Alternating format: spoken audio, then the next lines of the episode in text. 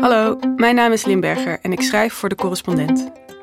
Begin 2019 verscheen mijn eerste boek, de tweede. Het gaat over ouders en kinderen, broers en zussen, herhaling en herkenning. En het audioboek doen we je graag cadeau.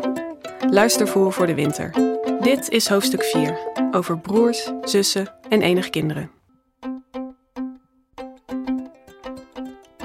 Het vorige hoofdstuk ging over herinnering en herhaling. Over wat het betekent om voor de tweede keer een kind te krijgen. Nu wil ik weten hoe mijn twee kinderen elkaar beïnvloeden. Daarover deed een nieuwe wetenschapstak allerlei ontdekkingen. Hoofdstuk 4. Een vlieg die rond mijn oor vloog. Over broers, zussen en enige kinderen. Ik vraag mijn zusje naar herinneringen uit onze kindertijd. Ze heeft er drie paraat. In de eerste maken we ruzie om een bepaalde beker. Die is van haar, ik wil hem hebben. Ik zeg dat ik er laatst een spin mee heb gevangen en mijn zusje, arachnofoob, staat hem onmiddellijk af. Ze heeft er nooit meer uit durven drinken. De tweede herinnering betreft een wit rieten poppenwagentje waarvan mijn zusje dacht dat het van mij was. Dat had ik haar verteld. Pas onlangs ontdekte ze, bladerend door oude fotoalbums, dat zij het was die het wagentje ooit cadeau had gekregen. En de derde herinnering gaat over de keer dat ze, bij hoge uitzondering, wel met mij mee mocht spelen.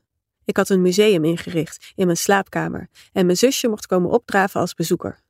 De entree bedroeg één gulden. Zeker tien keer kwam ze langs en kocht telkens braaf een kaartje. Ze vertelt het op een vrijdagavond aan het eind van de winter. We zitten aan de grote houten tafel in haar woonkamer, drinken de thee die mijn moeder ook altijd schenkt. Haar dochter ligt in bed, maar slaapt nog niet. Door de babyfoon horen we hoe ze de dag hardop verwerkt, haar hoge stemgeluid tegen een achtergrond van ruisende radiogolven. Nog even en dan wordt mijn nichtje twee jaar. Of er een tweede zal komen, weet mijn zusje nog niet. Het lijkt haar vermoeiend, twee kinderen. Ze wijst naar de wallen onder mijn ogen en mijn bleke gelaat. Ik durf niet te vragen in hoeverre haar herinneringen, die een weinig florisant beeld schetsen van het leven met een oudere zus, ook een aandeel hebben in haar twijfel. Maar het alternatief spreekt haar ook niet aan, zegt ze. Dan hebben we straks een enig kind. Aan de uitspraak van mijn zusje ligt een breed gedeelde overtuiging ten grondslag. Namelijk de overtuiging dat je beter af bent met een broer of zus dan zonder. De 19e-eeuwse Amerikaanse psycholoog Stanley G. Hall merkte bijvoorbeeld ooit op dat enig kind zijn een ziekte op zichzelf is. Na die uitspraak werd het er niet veel beter op. Zo schreef de Oostenrijkse kinderarts Karl Koenig halverwege de vorige eeuw dat een enig kind vaak wat apart is in zijn gedrag en veelal erg onvolgroeid in zijn sociale optreden. De speciale positie van zo'n eenzame vogel, voegt hij daaraan toe, is niet moeilijk te begrijpen. En over China, het enige land ter wereld waar gedurende een paar verschrikkelijke decennia het standaardgezin van overheidswegen een gezin met één kind was, werd al snel gezegd dat de nieuwe generatie die al dus opgroeide gebukt ging onder het kleine keizersyndroom.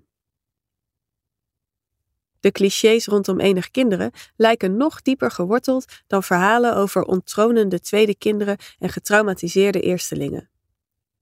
Mijn dochter was pas tien maanden oud toen mijn schoonvader me vroeg of er een tweede zou komen. Ik zei dat ik het niet wist, ze was er pas net. We moesten het nog zien. Het is wel zielig hoor, zei hij als ze alleen blijft. Veertig jaar had hij in het onderwijs gewerkt en hij pikte ze er zo uit, de enige kinderen. Egocentrisch, verwend en een beetje wereldvreemd. Ik vond het een onhandige opmerking. De kans bestond dat onze eerste ook de enige zou blijven. Maar ik was moe, zoals ik dat de afgelopen vijf jaar bijna altijd ben geweest. Dus mompelde ik iets vrijblijvends en deed er verder het zwijgen toe. Ook nadat duidelijk was geworden dat onze dochter geen enig kind zou worden, bleef zijn opmerking me bij. Ik begon te vermoeden dat wanneer we de tweede voor de eerste krijgen, dit misschien wel net zo vaak een bezwering is als een geschenk. Dat we onze kinderen niet alleen iets gunnen, maar hen ook ergens voor willen behoeden. Pas nu mijn zoon er is, vraag ik me af hoe rationeel dat allemaal is. Regelmatig lijken de sociale wetenschappen een patent te hebben op het met veel omhalen bevestigen van wat iedereen al weet. Maar soms weten ze diepgewortelde overtuigingen onderuit te halen. Dat laatste geldt ook voor het onderzoek naar enige kinderen en naar de manieren waarop zij al dan niet verschillen van wie opgroeit met een broer of zus. Volgens het merendeel van die studies ontwikkelen enig kinderen zich op cognitief, emotioneel en sociaal vlak namelijk min of meer hetzelfde als oudste kinderen en kinderen uit kleine gezinnen. Hooguit onderscheiden enig kinderen zich doordat ze gemiddeld iets gemotiveerder zijn op school en tijdens hun studie. Ook zouden ze meer gevoel van eigenwaarde hebben, lees ik in het boek Een gegeven relatie over broers en zussen van kinderpsychiater Frits Boer. Er zijn altijd uitzonderingen, natuurlijk. Maar voor de aanname dat enige kinderen asocialer, verwender, dommer of egocentrischer zijn dan kinderen die van hun ouders een broertje of zusje hebben gekregen, vinden wetenschappers zo goed als geen bewijs. Misschien weten enige kinderen dit al lang en zijn het alleen broers, zussen en hun ouders die in de war zijn. Het enige waar enige kinderen echt last van hebben, hoorde ik eens van een pedagoog, zijn de vooroordelen die er rondom enige kinderen bestaan. Misschien zijn we de norm gaan verwarren met het goede. Zijn we het feit dat enige kinderen de uitzondering vormen als bewijs gaan zien van hun benadeelde positie. Terzijde, volgens sommige onderzoeken zijn de ouders van enige kinderen zelfs het allergelukkigst omdat ze wel de voordelen van het ouderschap meepikken, maar niet gebukt gaan onder de nadelen die het krijgen van meerdere kinderen met zich meebrengt. Zoals het moeten verdelen van tijd en aandacht, de toenemende financiële druk, de extra belasting op je energie en het moeten ingrijpen bij geruzie. Ik luister naar de jeugdherinneringen van mijn zusje, naar de redenen die ze opgeeft om te twijfelen over een tweede. Ik denk aan hoe mijn moeder de tweede voor de eerste kreeg en aan hoe ondankbaar haar eerste dat geschenk in ontvangst nam, hoe onachtzaam ik het jarenlang behandelde. Mijn dochter betoont zich vooralsnog een beter hoedster van haar broertje. Maar dat neemt niet weg dat ze er wat voor heeft moeten inleveren. Al was het maar een stevige hoeveelheid geduldige, invoelende ouderlijke aandacht en in elk geval de illusie dat we alle tijd van de wereld voor haar hebben. En dus blijft de vraag: Wanneer we onze eerste kinderen een broer of zus geven, wat geven we hen dan precies? Wat weten we over de band tussen broers en zussen, over wat onze kinderen aan elkaar hebben? Toen de Britse ontwikkelingspsycholoog Judith Dunn 40 jaar geleden begon met haar onderzoek naar broer-zusrelaties, bestudeerde ze niet alleen gezinnen rondom de komst van een tweede baby, maar ook de interactie tussen broers en zussen die al wat ouder waren. Geregeld zag ze broertjes en zusjes die vriendelijk, coöperatief en behulpzaam gedrag vertoonden. Broertjes en zusjes speelden samen en troostten elkaar, stelde dan, omdat ze elkaar en elkaars wereld zo goed kenden. Maar precies die kennis en dat geregeld samen zijn, voegde ze daaraan toe, betekent dat broers en zussen eveneens in een uitstekende positie verkeren om elkaar te plagen, te irriteren en de strijd met elkaar aan te gaan. Bijna 30% van de interacties tussen broers en zussen in een vroege studie bestond uit ruzie. Het kan ook in de jaren 70 en 80 geen schokkend nieuws zijn geweest dat broer-zusrelaties zowel hartverwarmend zoet als hemeltergend vervelend kunnen zijn. Ook elders in het dierenrijk slaan broers en zussen elkaar net zo vaak de hersens in als dat ze elkaar helpen, lees ik in A Natural History of Families van de Amerikaanse ornitholoog Scott Forbes. Met een pervers soort opgewektheid schrijft Forbes over babyadelaars die nog niet uit het ei zijn gekropen of ze worden al vermorzeld door hun oudere broer of zus. En over tijgerhaaien die hun broertjes en zusjes al in de baarmoeder te lijf gaan.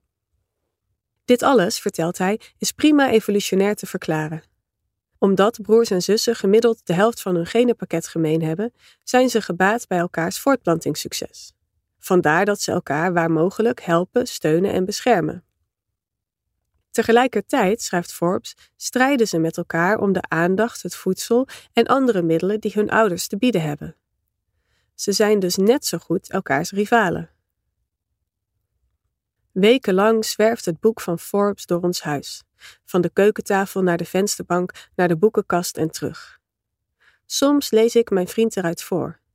Ik maak hem deelgenoot van mieren die elkaars broertjes en zusjes opeten in tijden van voedselschaarste, van de onverbiddelijkheid van koekoeksjongen. Intussen gaat het er in ons eigen nest een stuk vredelievender aan toe. We kijken naar mijn zoon, die in de achterklep van de driewieler klimt. Taxi, roept mijn dochter terwijl ze begint met trappen. Haar passagier kraait van plezier. Waar evolutionair biologen ophouden, daar gaan Dan en andere sibling scientists juist verder. Zij proberen in kaart te brengen hoe juist de doodnormale, niet-pathologische interacties met onze broers en zussen, het alledaagse geruzie en gekibbel, het spelen en het zorgen, het samenzweren en het helpen, ons vormen. Voor dit doel observeren ze gezinnen, nemen ze enquêtes af, laten ze wiskundige formules los op grote en minder grote datasets. Ze zoeken naar patronen en gemiddelden, naar regels en verbanden. Dat broers en zussen elkaars cognitieve, sociale, emotionele en morele ontwikkeling beïnvloeden, is uit hun onderzoek inmiddels wel gebleken. En vaak pakt die beïnvloeding positief uit. De intuïtie van veel ouders dat het hebben van een broer of zus voordelig is, is niet uit de lucht gegrepen. Zo lees ik in een overzichtsartikel uit 2012 in het Journal of Marriage and Family dat een warme band met een broer of zus een beschermende factor kan zijn tijdens stressvolle gebeurtenissen. Ouders die scheiden, een sterfgeval in de familie. Ook leer ik dat een warme band niet hoeft te betekenen dat er geen ruzie wordt gemaakt. En dat ruzie niet louter slecht is. Wie ruzie maakt, leert omgaan met moeilijke emoties, zoals jaloezie en woede, en vergaart met een beetje geluk ook nog wat diplomatieke vaardigheden. Geen grote verrassing, maar het is natuurlijk wel precies waar ik op hoop voor mijn eigen kinderen. Dat ze elkaar vriendschap en liefde en bescherming zullen geven, een band die een leven lang meegaat, maar ook de mogelijkheid om in een veilige omgeving kennis te maken met teleurstelling en frustratie, met niet krijgen wat je hebben wil, met gekwetst worden en vroeging voelen.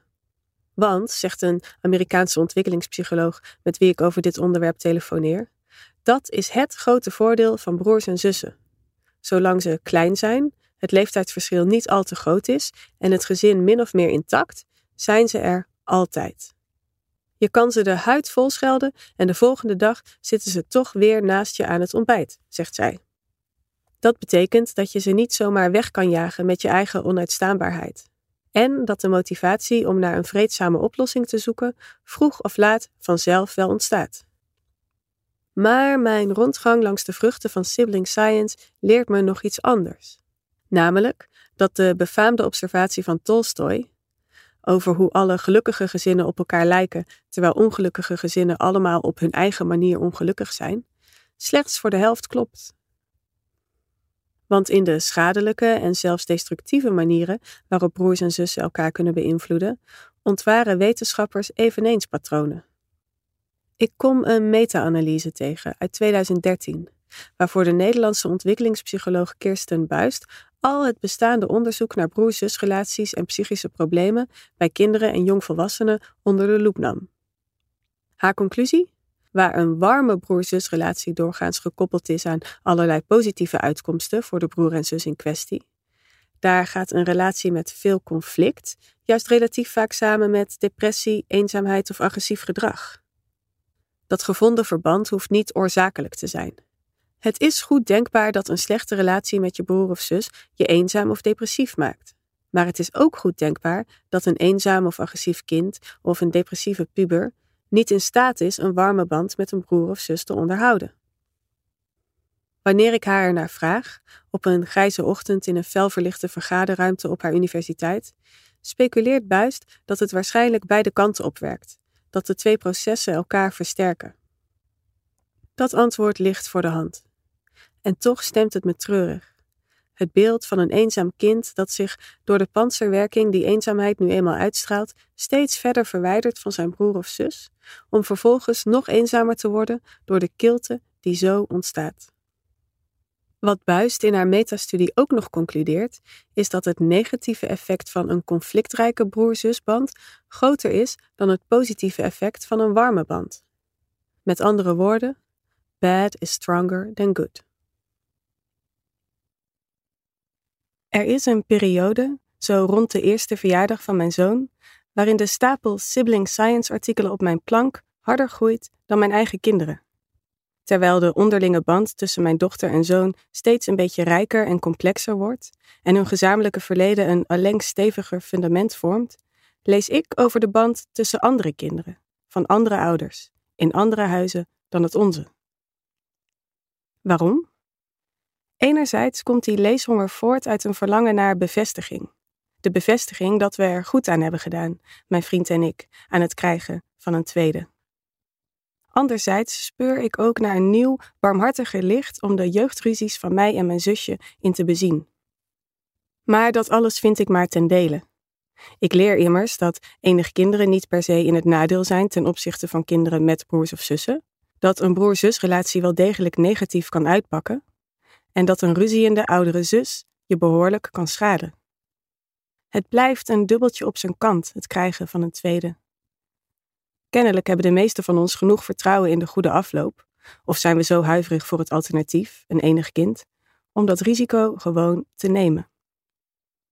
Gelukkig vind ik ook nog een boek uit 2016, waarin twee Amerikaanse psychologen zich voor de verandering buigen over de relatie tussen volwassen broers en zussen.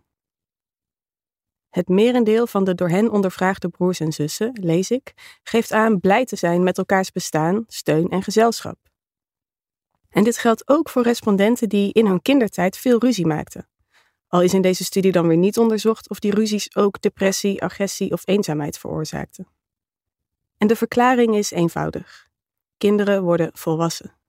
Onze wereld wordt groter, we leren zaken in perspectief plaatsen en laten oude grieven los. We groeien op. Dingen veranderen. Of in elk geval onze kijk op de dingen. Zelf was ik die poppenwagen, die beker en dat museum al lang vergeten. En ik betwijfel dat ik er ooit nog aan zou hebben gedacht als mijn zusje er niet over was begonnen. Haar herinneringen aan onze kindertijd verschillen van de mijne. Het doet vermoeden dat ook onze relatie destijds voor ons allebei iets anders heeft betekend. Dat wat voor haar groot was, voor mij te klein was om te onthouden. Dat wat ik als onbelangrijk beschouwde, op haar een blijvende indruk maakte. Bij mijn kinderen neem ik ook zo'n disbalans waar, al is die voorlopig minder vreed van aard. De bewondering waarmee mijn zoon naar mijn dochter kijkt, wordt van haar kant beantwoord, afhankelijk van het moment, met vertedering of onverschilligheid. Hij imiteert haar, zij moedigt hem daarin aan.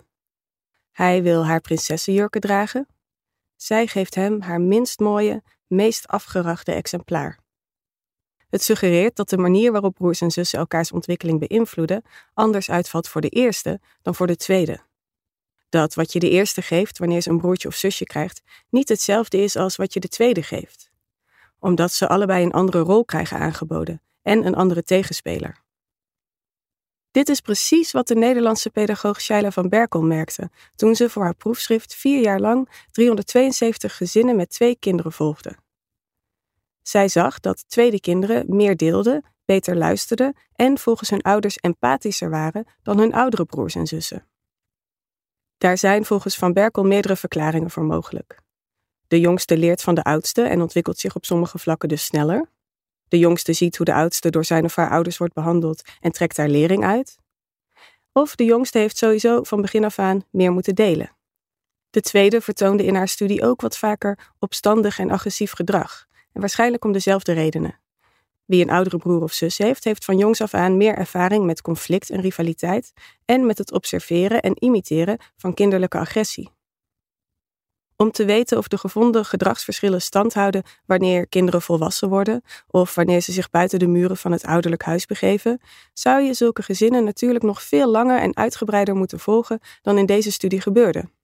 Andere onderzoekers zagen wel dat wie een oudere broer of zus heeft die rookt, drinkt, het boevenpad opgaat of in haar tienerjaren zwanger raakt, een aanzienlijke kans heeft om in diens voetspoor te treden. Ook hier zou het zo kunnen zijn, al dus de onderzoekers, dat oudere broers en zussen als voorbeeld dienen. Het is ook mogelijk dat het gedrag van de eerste verwachtingen schept over hoe de tweede zal zijn. En dat de tweede die verwachtingen oppikt, ze internaliseert en zich ernaar gaat gedragen. De relatie tussen de eerste en de tweede is dus wederkerig, maar niet gelijk. Want waar de tweede een rolmodel in de schoot geworpen krijgt, een uitstippelaar van routes, daar oogst de eerste iemand om les aan te geven en te verzorgen. Dat levert geheel andere vaardigheden op. Ontwikkelingspsychologen zien bijvoorbeeld in studies dat kinderen die de moeite nemen een jonger broertje of zusje te onderwijzen, het later vaak wat beter doen op school dan enige kinderen of oudere kinderen die zich meer afzijdig houden. De reden? Het helpen van iemand die een stuk jonger is dan jij vereist onder meer dat je je kennis vertaalt naar een niveau dat de ander kan begrijpen. Daar word je zelf slimmer van. Het verschil in kennis en vaardigheden kan ook minder brave uitkomsten hebben. Zo lees ik over een experiment uit 2018, waarin kinderen met een jonger broertje of zusje vaker vals blijken te spelen en vaker liegen dan enig kinderen of kinderen met een oudere broer of zus. Hoe groter het leeftijdsverschil met een jongere broertje of zusje, hoe langer ze hun leugen volhouden. In deze beker heeft een spin gezeten. Dat kinderwagentje is van mij. Voor dit museum moet je betalen. Mijn zusje en ik maken bijna nooit meer ruzie. Maar dan nog ben ik minder gul, minder openhartig naar haar dan ik zou willen zijn en deel ik minder met haar dan zij misschien zou willen. Buiten de context van onze relatie kan ik veel beter delen, ben ik zelfs behoorlijk vrijgevig. Maar het is alsof we de rollen die we in onze kindertijd innamen nooit meer helemaal zijn kwijtgeraakt, inclusief de bijbehorende verschillen in invloed op elkaar. Wij zijn niet de enige. Ook na de vroege kindertijd, wanneer de periode aanbreekt waarin een leeftijdsverschil van een paar jaar niet automatisch een aanzienlijk verschil in macht, inzicht en manipulatievermogen hoeft te betekenen, blijft de relatie tussen oudere en jongere broers en zussen vaak onevenwichtig. In een Amerikaanse studie onder gezinnen met twee kinderen in de puberleeftijd werd gekeken naar wat het met die kinderen deed wanneer ze het idee hadden dat of zijzelf of de ander werd voorgetrokken door hun ouders. Wat bleek? Wanneer het tweede kind het idee heeft dat de eerste wordt voorgetrokken, heeft het daar veel meer last van dan de eerste er last van heeft wanneer die denkt dat de tweede wordt voorgetrokken. De reden? De tweede vergelijkt zichzelf meer met de eerste dan andersom. Vier Nederlandse onderzoekers schrijven in een studie uit 2017 dat wie een broer of zus heeft die gaat scheiden, een grotere kans heeft dat ook het eigen huwelijk in een echtscheiding eindigt. En bovenal dat dit effect sterker is voor wie een oudere broer of zus heeft die gaat scheiden dan andersom. Een groep Britse psychologen interviewde eens tientallen kinderen om erachter te komen hoe zij over hun relatie met hun broer of zus dachten. Alle geïnterviewden vertelden hen over ruzie en conflict, maar er was wel een verschil tussen hoe oudere broers en zussen die conflicten karakteriseerden en hoe jongere broers en zussen dat deden. Oudere kinderen omschreven hun jongere broertjes en zusjes vrijwel zonder uitzondering als vervelend of irritant. Jongere broers en zussen gebruikten die woorden zelden. Zij schreven ruzies toe aan ongelijkheid en aan het feit dat de oudste hen fysiek of mentaal domineerde. Er schijnt een tekening te zijn die ik ooit heb gemaakt in de spreekkamer van een kinderpsychiater. Ik zat in de kleuterklas en weigerde s'avonds te slapen, en ten einde raad hadden mijn ouders deskundige hulp ingeschakeld. De dokter vroeg me ons gezin af te beelden en volgens mijn moeder tekende ik haar als een konijntje, mijn vader als een slangetje, mijn zusje als een muisje en mezelf als een heel groot paard. Jij was voor mij een voorbeeld, zegt mijn zusje nu. Voor jou was ik een irritante vlieg die rond je oor vloog. Ze zegt het kalm. Ik heb het hart niet om te zeggen dat die beleving behoorlijk strookt met de mijne. In de volgende aflevering, hoofdstuk 5, schets ik scènes uit ons gezin van vier dat nog het meest aanvoelt als een tornado.